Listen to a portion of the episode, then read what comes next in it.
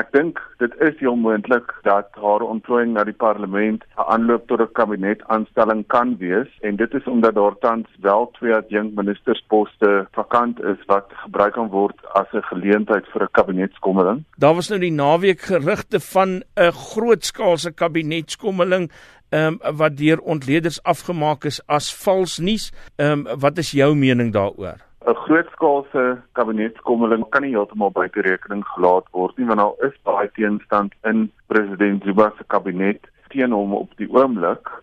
Hy kan probeer om dit te verminder, maar hy gaan dit nie heeltemal kan uitstamp nie want ehm um, daar is bloot te veel teenstand. Omtrent 2/3 van sy kabinet is teen hom. Hy het iets soos uh, 13 of 14 poste verander vroeër in die jaar en selfs dit was nie genoeg om daardie teenstand onnoemenswaardig um, te verminder nie. So hy kan dit probeer doen.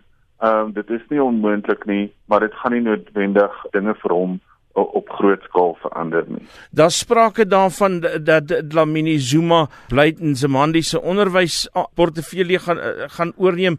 Dink jy dit ja, kan moontlik gebeur? Daar sprake dat dit blyt in Zimandi se pos kan wees, maar daar is ook sprake dat sy uh, die jong president sal vervang. Ek dink 'n onmiddellike kabinetaanstelling vir wat met Lamini Zuma op ministeriële vlak is meer waarskynlik as om uh, dat sy jong president Ramaphosa gaan vervang, veral omdat die laasgenoemde opsie verseker is om 'n baie dinamiese reaksie teen president Zuma se leierskap kan ontketen en dat dit met Lamini Zuma se se kanse om hom op te volg ook gaan verswak. Die daai reaksie gaan teen haar ook tel. Daar is geringe mate kanse vir die herskepping van 'n tweede adjunkt presidentspos. Uh, maar soos ek sê dit is gering aangesien dit vir ander oorwegings in 2014 reeds deur die ANC afgekeur is en omdat daar geen behulpsame diskurs bestaan waarteen so 'n stap geregverdig kan word binne die ANC op die oomblik. Ek dink die kanse is sterker met ander woorde in opsomming dat sy as 'n minister aangestel kan word In die lig van dit wat jy nou gesê het, is dit dis prematuur om te dink dat hierdie aanstelling van Dlamini Zuma uh die weg voorberei vir uh, president Zuma se uh, vroeë uittrede uit uh, sy ampt.